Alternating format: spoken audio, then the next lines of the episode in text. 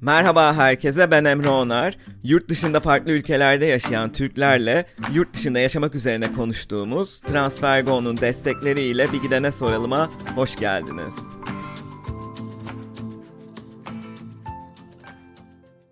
TransferGo uygun kur ve düşük gönderim ücretiyle çok hızlı hatta aynı gün içinde uluslararası para transferi yapabileceğiniz bir mobil uygulama.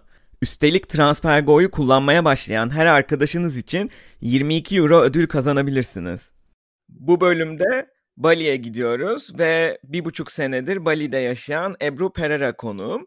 2004'te üniversite eğitimi için İngiltere'ye taşınan Ebru, önce Exeter Üniversitesi'nde psikoloji okuyor, ardından Durham Üniversitesi'nde psikopatoloji, Westminster Üniversitesi'nde ise insan kaynakları yönetimi yüksek lisans programlarını bitiriyor ve 12 sene boyunca Londra'da birçok çok uluslu şirkette İK departmanlarında çalıştıktan sonra bir buçuk seneye aşkın süredir şimdi Bali'de yaşıyor. Orada bir yandan İngiltere'deki işine devam ederken bir yandan kendi etik giyim markası Honest Label'ı kuruyor. Ee, bir yandan yoga ve pilates eğitmenliğiyle ilgileniyor ve de yıllardır içerik üreticisi olarak Instagram'da da paylaşımlar yapıyor. Ee, Ebru ile Bali'de hayatı konuşacağız tüm yönleriyle. Merhaba Ebru, hoş geldin. Merhaba, hoş bulduk. Ee, detaylı anlattım aslında ama sen de kendinden bahsetmek ister misin? Gerçekten çok güzel bahsettin benden. Dediğin gibi en son Londra'da Disney'deki e, İK yönetimi pozisyonunu bırakıp Bali'ye yoga eğitmenliği kursuna geldim. Hem biraz bu corporate hayat dediğimiz hayata ara verip hem de ben aslında Bali'ye üçüncü gelişimdi geçen sene geldiğimde. İlk 2009'da bir üniversitedeyken kız arkadaşımla tatile gelmiştim. Bir de 3 yıl önce annemle ben her sene annemi farklı bir ülkeye götürmeye çalışırım. Anne kız gezisi yaparız. Onunla gelmiştik Bali'ye. Yoga Pilates retreat'ine hatta.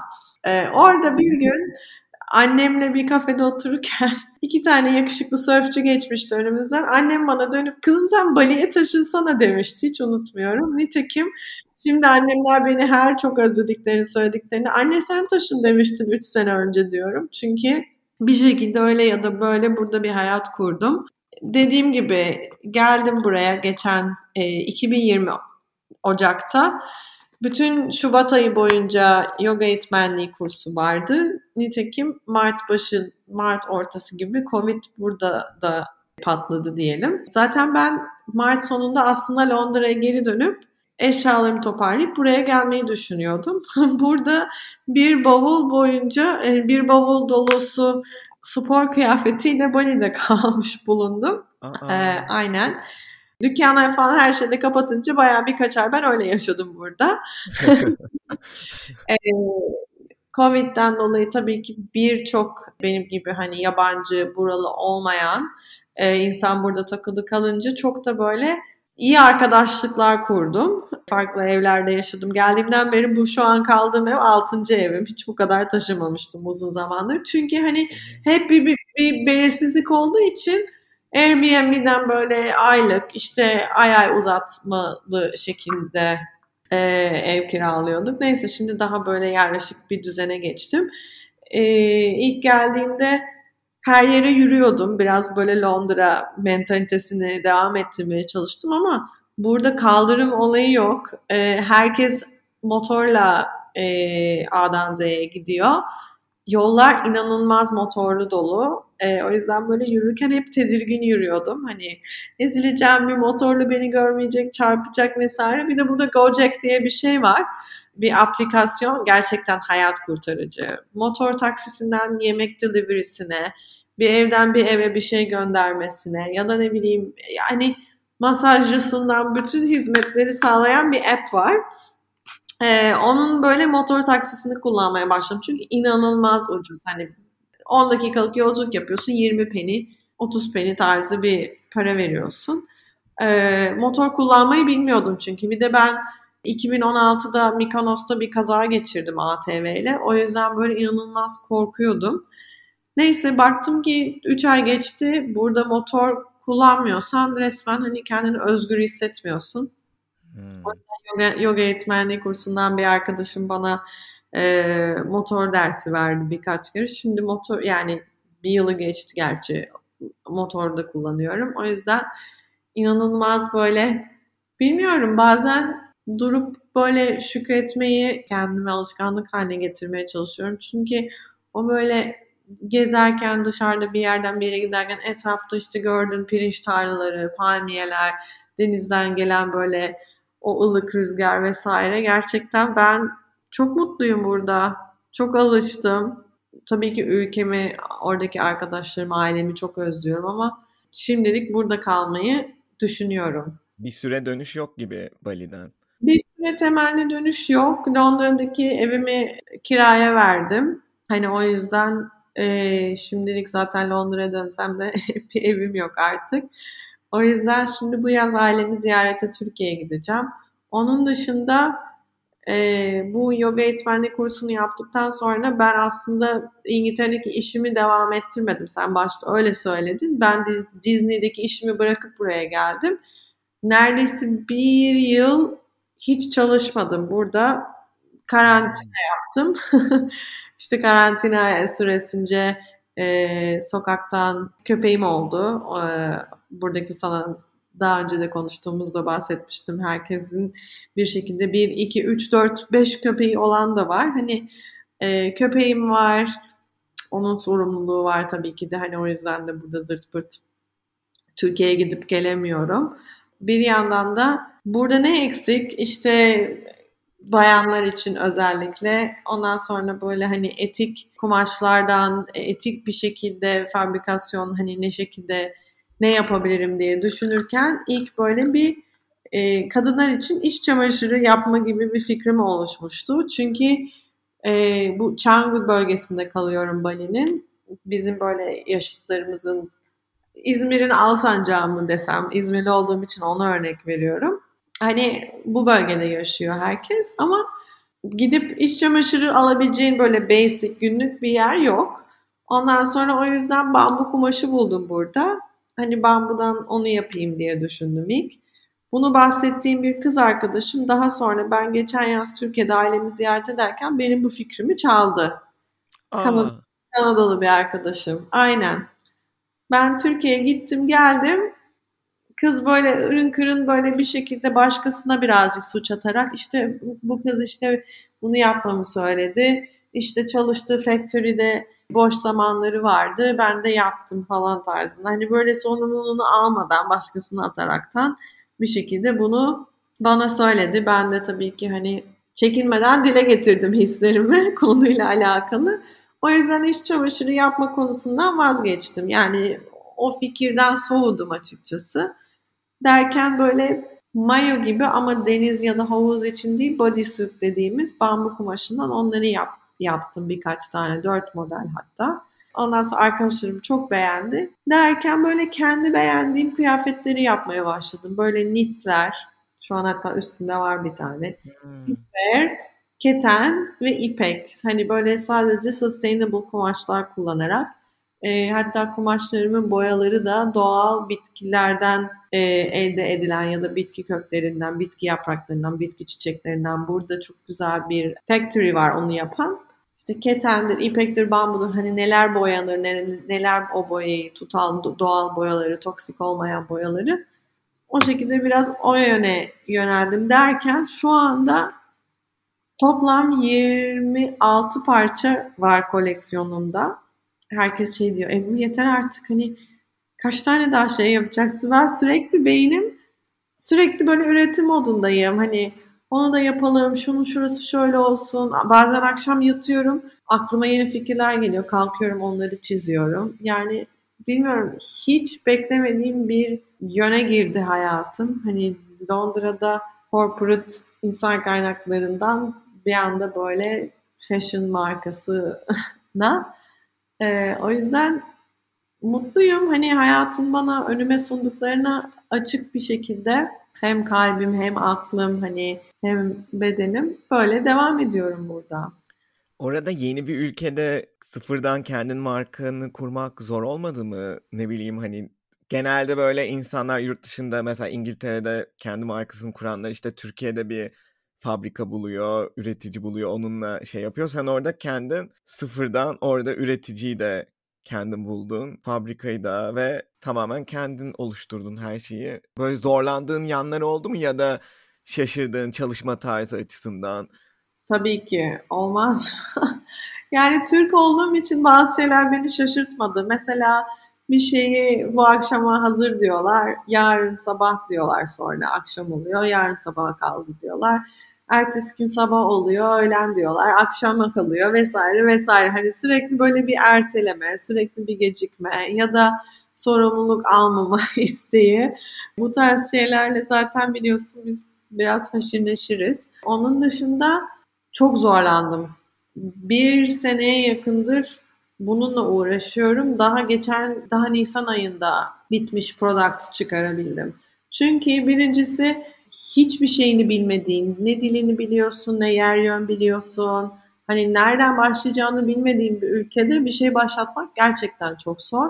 Bir de Bali marka, model ve influencer ve fotoğrafçı cenneti. Burada herkes ya fotoğrafçı ya influencer e, ya bir markası var ya da yaşam koçu ya da herhangi bir koç. Gerçekten böyle yani hani mesela Bali ile ilgili Instagram hesapları var bunlarla falan dalga geçiyorlar yani o kadar doğru. Neyse hani markası olan arkadaşlarımdan başlamaya çalıştım. Hani hangi factory ile çalışıyorsun, önerir misin? Kimse asla yanaşmıyor. Kimse bulduğu iyi factory paylaşmak istemiyor. Ee, ondan sonra aynen yani ben çok şaşırdım. Çünkü herkes böyle benim işlerim zaten gecikiyor. Seninle de paylaşırsam iyice gecikir kafasında. Ya da gerçekten iyi bir yer buldukları için senin de iyi hani şey istemiyorlar. Rekabet istemedikleri için paylaşmak istemiyorlar. Neyse yani ben şu ana kadar dört tane farklı factory değiştirdim. Çok para kaybettim, çok vakit kaybettim, çok kumaş ziyan ettim. Yani hep böyle bir ders alma e, evresinden geçtim ve böyle bazen hani insanı yıldırasına kadar kötü tecrübeler yaşadım ama Bali benim gerçekten kendi üzerimde çalışmam gereken şeyleri böyle karşıma o kadar açık bir şekilde çıkar ki mesela sabır yani sabır etmeyi practice etmem gerektiğini hep biliyordum ama burada gerçekten böyle ister istemez sabırlı olmayı öğreniyorsun. Hani bu factory'lerle, bu insanlarla çalışırken. Ondan sonra iletişim konusunda da sabırlı olmayı öğrenmen gerekiyor. Çünkü anlamıyorlar. Herkes çok iyi İngilizce konuşmuyor.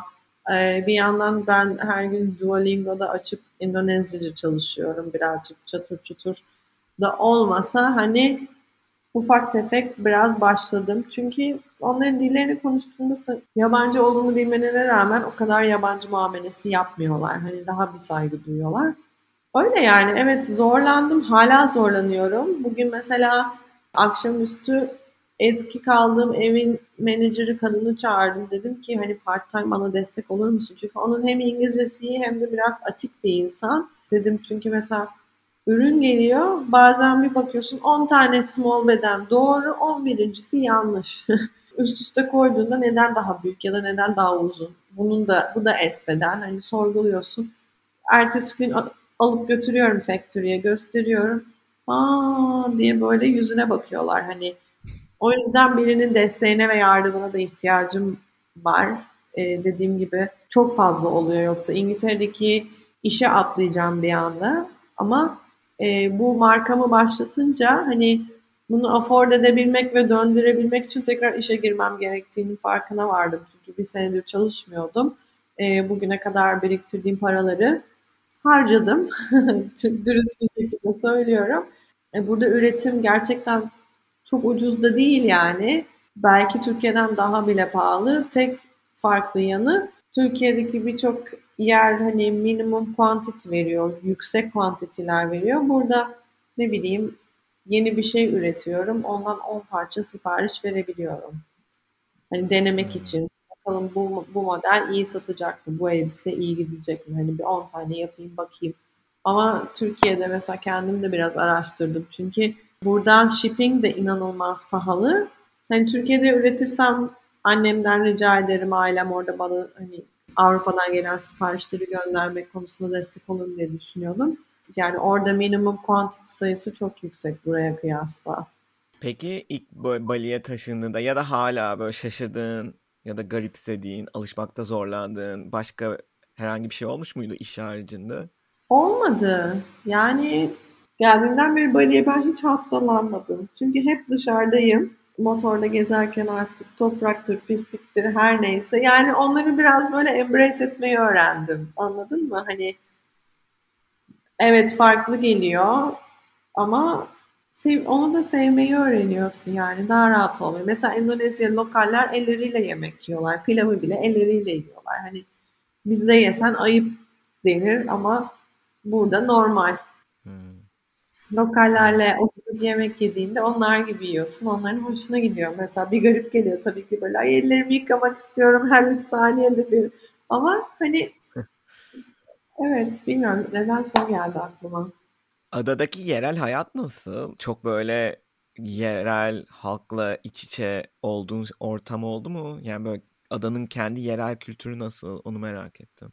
Şimdi Endonezya dünyanın en büyük Müslüman ülkesi ama Bali'deki din e, Hindu. E, o yüzden hani burada karmaya inandıkları için ne bileyim cinayettir, hırsızlıktır, şeydir falan çok az var. Daha çok bu korona döneminde hatta arttı ama genelde onu yapanlar da Balili değil işte Java'dan vesaire hani Endonezya'nın farklı yerlerinden gelmiş olanlar olduğu tespit edildi. Maalesef bizim yaşadığımız bölgede ki yereller genelde restoranlarda çalışan e, ya da işte hani eve temizliğe gelen insanlar oluyor. Çünkü buradaki çoğu restorandır, oteldir hepsi e, yabancı owned. İşte Avustralyalı, Avrupalı, Amerikalı vesaire. Özellikle Avustralya çok var. Avustralya buraya çok yakın olduğu için. E, ve lokaller aylık yani burada minimum 100 dolara çalışıyorlar. Çok çok düşük maaşları. Hmm. Aynen. Ama mesela benim evim şu anda merkezin çok azıcık daha yukarısında pirinç tarlaların arasında falan daha böyle bir hani köyde gibi diyeyim. O yüzden ben mesela her sabah kalktığımda pirinç tarlalarında çalışan kadını görüyorum o böyle üçgen şapkasıyla. Ondan sonra yan yanımda lokal e, birkaç ev var orada yaşayanları görüyorum. E, çok pardon kapı çalıyor. Evet çok pardon. Ha yok sorun değil. Ürün getirdiler şeyimden, factory'den. Böyle bu saatlerde geliyorlar işte dediğim gibi. Aa, saat şu an orada kaç? 8. Aynen 8'e çeyrek var. Bu iyi bazen 11.30'da getiriyorlar akşam. Ben böyle yatakta neredeyse uyuyakalıyorum kapı çalıyor. Haber de vermiyorlar. Mesela böyle şeylere de alışıyorsun. Bu enteresanmış. Akşamın bir körü fabrikadan bir şey getirmeleri. Bir anda böyle evet çünkü bugün gündüz getirmeleri gerekiyordu. Şeyi aslında merak ediyorum. Oradaki mesela seni orada hayata bağlayan şeyler neler? Doğa. Bir kere gerçekten ben İzmirli olduğum için deniz benim için çok önemli. Yani benim alışkın olduğum Ege Denizi ile buradaki okyanus tabii ki çok çok çok çok çok farklı. Yani buradaki okyanusta fırtınalar kopuyor. Herkes buraya surf için geliyor. Hani böyle gideyim ah deniz dümdüz çarşaf gibi bir yüzeyim tarzı bir durum olmuyor. Ama her gün gidip kumsalda yürüyebilmek, bu ayağın böyle kuma basması. Ya bu tarz ufak şeyler beni o kadar mutlu ediyor ve burada hani buraya bağlıyor ki ne bileyim palmiye ağaçları gerçekten böyle oldum olası palmiye ağacı aşığıyımdır. Ondan sonra pirinç tarlaları, havanın hep ılık olması gerçekten hani böyle en soğuk belki 24 derece falandır. Yani hava hep stabil ve hep aynı. Bir tek yağmurlu sezonu biraz sıkıntılı. İngiltere'deki yağmur hiçbir şey buraya kıyasla. Yani burada öyle bir yağıyor ki tropik yağmurlar. Bazen saatlerce bu evleri falan su bastı geçen sene. O kadar. Hmm. Arkadaşımın koltuğu yüzüyordu salonda yani. O o kadar. Aynen o kadar kötü olabiliyor. Ee, buraya bağlayan o Ondan sonra insanların sıcaklığı, yerlilerinden bahsediyorum. Sıcaklığı ve samimiyeti. Herkesin yani ne kadar fakir olurlarsa olsunlar ya da ne kadar zorlanıyor olurlarsa olsunlar çünkü gerçekten buranın yerli hayatı çok etkilendi koronadan. Turizm tamamen durdu. Burayı zaten götüren tek şey turizm. Çoğu zaten 100 dolar kazanıyorken hani hiçbir şey kazanmaya başladılar. Ona rağmen mutlular yani, gülümsüyorlar. Çünkü bu şekilde sadece 7-24 pirinç yiyerek bile mutlu olabiliyorlar yani. Onlar insanları, doğası, bir de kültürü yani gerçekten çok güzel. Bizim kültürümüze de biraz benziyor aslında hani saygı konusunda. Mesela ben şimdi bana bazen İbu diyorlar tamam Ben İbu dediklerinde biraz neden bana İbu diyorlar. İbu çünkü böyle daha büyüğe hani bizde abla dersin ya büyüğüne böyle saygı amaçlı. Burada da İbu diyorlar. Ondan sonra ben gerçi sevmiyorum çünkü kendimi yaşlı hissettiriyor. ee, ama evet ondan sonra lokal yerli yemekleri çok güzel. Ne gibi yemekler var mesela? Zaten bir kere her şeyin yanında pilav geliyor. Hani böyle beef rendang'dır, curry tarzı şeyleri var. Ondan sonra fried rice, mie goreng bir de nasi goreng fried rice, mie goreng, fried noodles böyle şeyli sebzeli ondan sonra şişte küçük tavuk ve üstüne şey geliyor. Sunny side up yumurta geliyor. Tavada yumurta. Öyle çok çeşitleri yok bu arada. Ama mesela lokal yemekleri inanılmaz ucuz. Varung deniliyor buradaki şeylere, lokal restoranlarına. Varung'a gittiğinde 40 peniye nasi goreng yiyorsun. Ondan sonra ne bileyim bizim daha alışkın olduğumuz tarzda restoranlara gittiğinde tabii ki onun çok daha fazlası para veriyorsun ama gene Avrupa'ya göre çok ucuz. E, Türkiye'ye göre bile ucuz. Hatta yani 4 penny de, e, 40 penny dediğin 4 lira falan değil mi? 5 lira. Aynen 4 lira ama o benim dediğim lokal restoran. Hani her gün her öğün orada yiyemezsin. Sonuçta böyle hani onların yemekleri de hafif değil yani ağır. Bali hep böyle uzun yıllar balayı rotası falan diye insanlar biliyordu. Derken demin sen de bahsettin. Şimdi işte influencerlar, işte fotoğrafçılar, yaşam koçları, böyle dijital göçebeler. Hani evet. böyle bir kitlenin gittiği ve böyle merkez üstü yaptığı bir ada gibi oldu. Yani Instagram'da ben özellikle pandemi öncesi çok fazla görüyordum. Yani her influencer bir Bali'ye gidiyordu neredeyse. Adanın böyle bir hale gelmesinin nedeni nedir? Neden? Çünkü birincisi gerçekten ucuz. Ee, ikincisi çok güzel bir ada. Her şey kolay. Yani motorun varsa her şeyi yapabiliyorsun. Ee, üçüncüsü surf'ten ötürü çok insanı çekiyor. Çünkü dünyanın en iyi yerlerinden bir tanesi surf için. Surf dedim. Evet, yani dijital nomad cenneti burası gerçekten dediğin gibi. Herkes e, yani uzaktan ya da evden çalışabilme kapasitesinde çalışan herkes Bali'de yaşamak istiyor. Çünkü bu arada hani lokal yemeklerinden bahsettim. İtalyan yemeği, Türk yemeği, Japon yemeği yani istediğin her şeyin en iyisini burada bulabiliyorsun. Londra gibi biraz düşün ama ne bileyim Londra'nın onda biri fiyatına. Ondan sonra hava hep güzel. Bence bu sebeplerden dolayı. Yani benim burada kalan bütün arkadaşlarım kolay bir de yaşam kolay yani. Hani ne bileyim evde gaz bitti kendin gidip almana gerek yok. Sana bahsettiğim aplikasyondan adamı yolluyorsun. Alıyor getiriyor. Üzerine 3 peni 4 peni servis parası veriyorsun. Hmm. Bir de anında oluyor bu. Hani ne bileyim işte tamam akşamüstü getiririm değil. Yani istediğini anında böyle halledebiliyorsun gibi bir kolaylık var buradan. Hayatın zorlu yanları neler peki orada? İnsanlara bağlanmaktan korkuyorsun. Çünkü çok insan burada gelip geçici. Ne bileyim 3 ay geliyor, kalıyor. Bir yıllığına geliyor. Bir yıl boyunca çok yakın arkadaş oluyorsun. Bir yıl sonra ülkesine dönüyor. Yani benim benden önce burada yaşayan birçok arkadaşım bunu söyledi. Hani çok üzüldüm çünkü bu arkadaşım hani çok yakındık ne bileyim Fransa'ya döndü. Hani bu tarz şeyler olabiliyor. Başka zor olan e, vize, şirket kurma vesaire bu tarz şeyler de zor. Çünkü e, tamamen lokallerini e, koruyan bir Hani legal sistem var. Tabii ki bu arada haklılar yani hani o konuda hiçbir şeyim yok. Doğru olanı yapıyorlar. Ama mesela burada bir yabancı olarak e, ev sahibi olamıyorsun. İngiltere'deki gibi biraz hani evi lease edebiliyorsun. Ne bileyim 30 seneliğine ev senin olabiliyor. Ya da arsa almak istiyorsun. 25 sene, 30 sene, 40 senelik alıp üstüne ev yapabiliyorsun.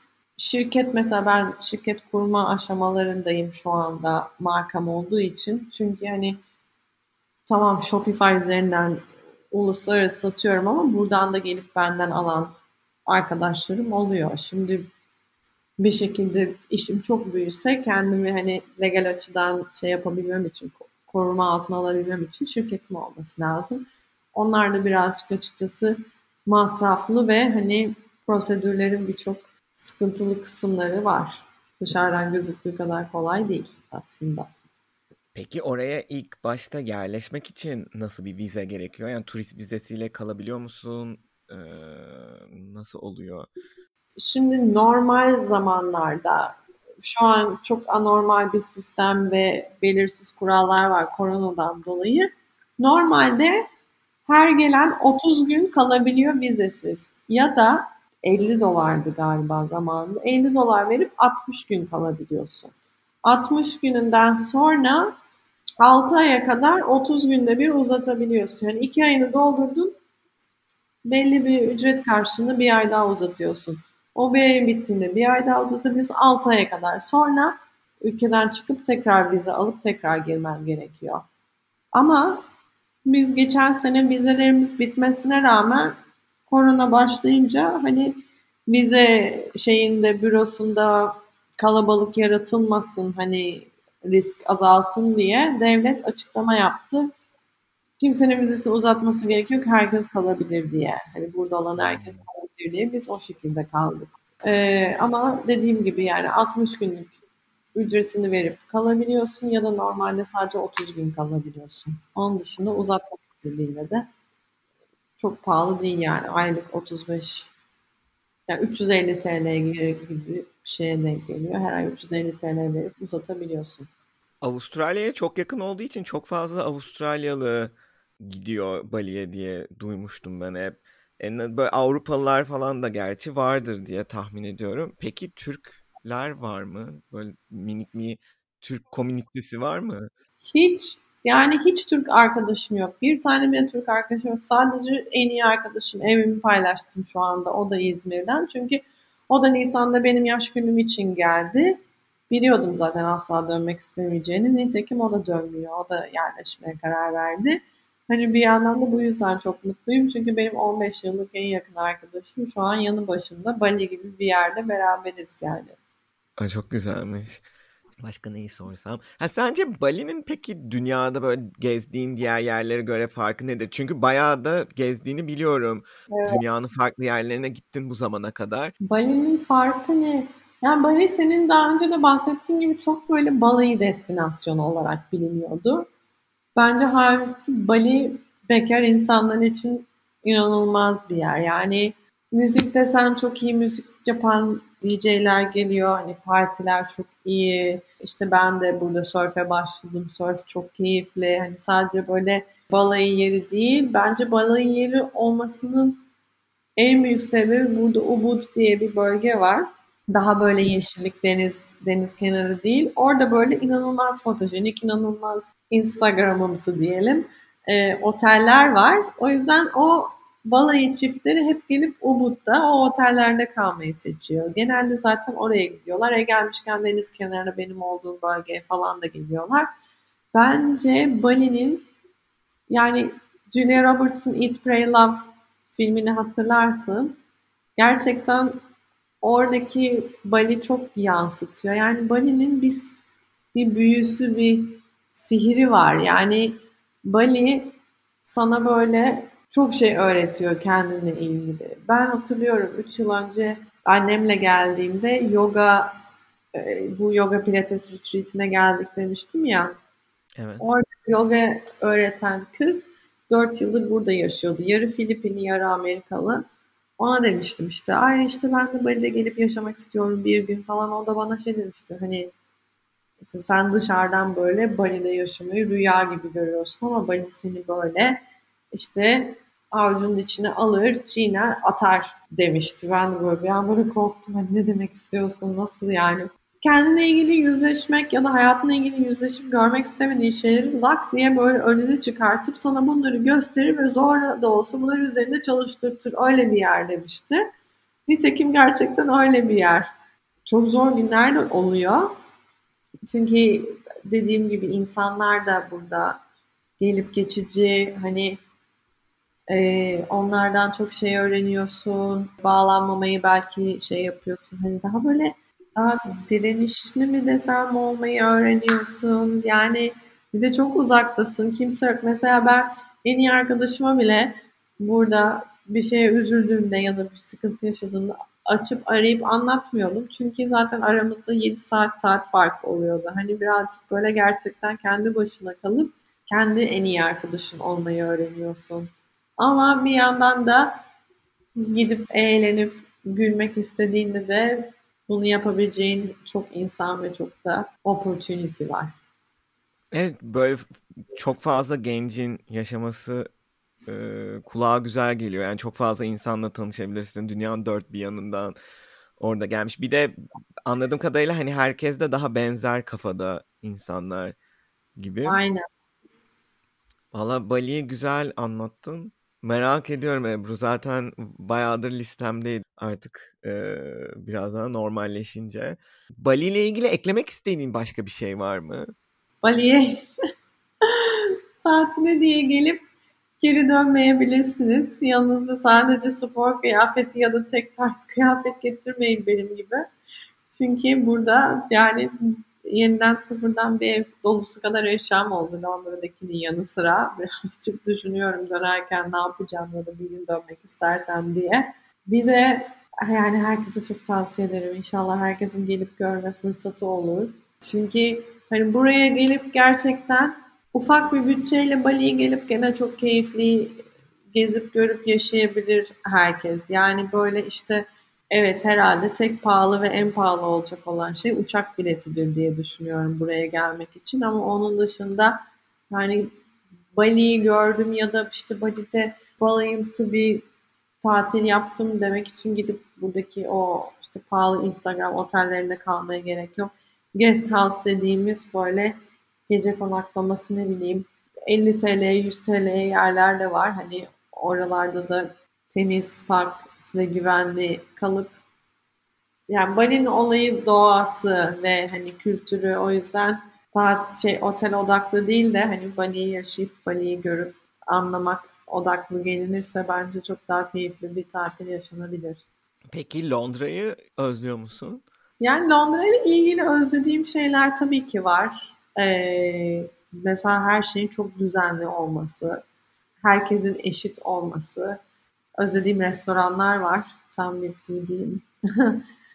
bir de arkadaşlarım var hala orada.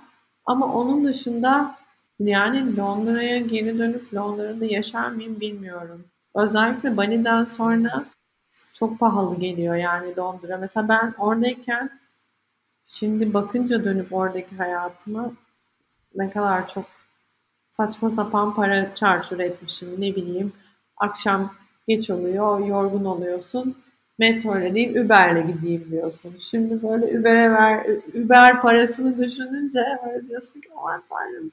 O benim işte buradaki iki günlük hani yeme içme masrafı. O yüzden burada yaşamak bir yandan benim için o açıdan güzel oldu. Çünkü hani 17 yıldır İngiltere'deydim bir şekilde oranın dışında bir yer görüp tecrübe etmemiştim. Tabii ki tatile gittim hani o başka ama yaşamak amaçlı söylüyorum. Hani artık buradan sonra nereye gidersem gideyim hani daha bir şey yapmadan ya da para harcamadan belki daha çok düşünüp daha tasarruflu yaşamayı öğren öğreneceğimi düşünüyorum kesinlikle. Hmm, Bali'nin sana e, kattığı en büyük şey belki de bu perspektif oldu. Evet. Aynen. Bir de yani burada gerçekten mutlu olmak için çok şeye ihtiyacın olmadığını anlıyor insan. Ben buraya gelirken hiç yani gerçekten böyle hep plaj ve spor kıyafetleri getirdim. Hani İngiltere'de bir şekilde o ortamın içine giriyorsun. İşte gece dışarı çıkarken giyineyim, süsleneyim, topuklu giyeyim, marka çanta takayım vesaire. Hiç bir tanesini bile yanımda getirmedim ve belki orada olduğumdan çok daha mutluyum şu anda. Hani o materyalistik hayattan uzaklaşıp çok daha böyle minimalist bir hayata geçtim burada ve o beni gerçekten çok mutlu ediyor. Bu şey farkındalığı yaratması güzelmiş. Evet aslında Londra'da insan gerçekten o şey gibi ya burada günler nasıl geçiyor onu bile anlamıyorsun zaten sürekli bir koşturma hali şey onun içinde kayboluyorsun yani Londra'daki o koşturmanın içinde. Gerçi İstanbul'da falan da öyle büyük şehir şeyi genel olarak belki de. Peki Türkiye'ye hiç dönmeyi düşünüyor musun bir noktada? Yani Türkiye'ye dönmeyi zaten İngiltere'deyken de düşünmüyordum. Çünkü şöyle ben benim bütün ailem İzmir'de. İzmirliyim ve ben hani İzmir'i çok seviyorum. Ee, Londra'da Disney'de çalışırken Türkiye benim baktığım ülkelerin bir tanesiydi. Her ayın bir haftasını İstanbul'da geçirdim 4 sene boyunca. O yüzden Disney bana İstanbul'u çok sevdirdi. Yani İstanbul'a gerçekten aşık oldum. Ama e, Londra gibi kalabalık bir yerden İstanbul gibi daha kalabalığına gider miyim? Açıkçası düşünmüyorum. İstanbul niye diyorum? Çünkü İzmir'de iş konusunda çok opportunity yok. Ha, olur da buradaki markam çok iyi gider, çok büyürse belki hani Avrupa merkezini Türkiye'ye taşıyıp senenin bir kısmını orada bir kısmını burada e, geçiririm. Zaten bu arada burada yaşıyorum ama geçen yaz gene iki aylığına Avrupa'ya geldim yani benim için en ideali senenin 4-5 ayını Avrupa'da hangi Avrupa şehri ya da neresi hangi ülke olur bilmiyorum. Geri kalanını Bali'de geçirmek. Bu, bu benim planım. Sen artık bir süre Bali'desin gibi anladığım kadarıyla. Öyle gözüküyor. Son o zaman bir klasik sorum var. Sen bayağıdır yurt dışındasın yani kaç 17 sene olmuş. 18. 10 olacak neredeyse. Oo. Neredeyse 20 diyelim yani. Ee, Türkiye'ye dair özlediğin neler var? Evet, tabii ki de Türk mutfağı bir numara ondan sonra ama en çok ailemi üzüyorum ve hani anneannemin yemeklerini.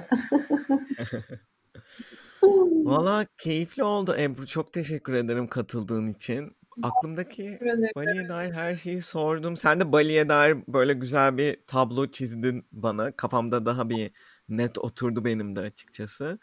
Markanı da heyecanla bekliyorum gelişmelerini. Takip edeceğim.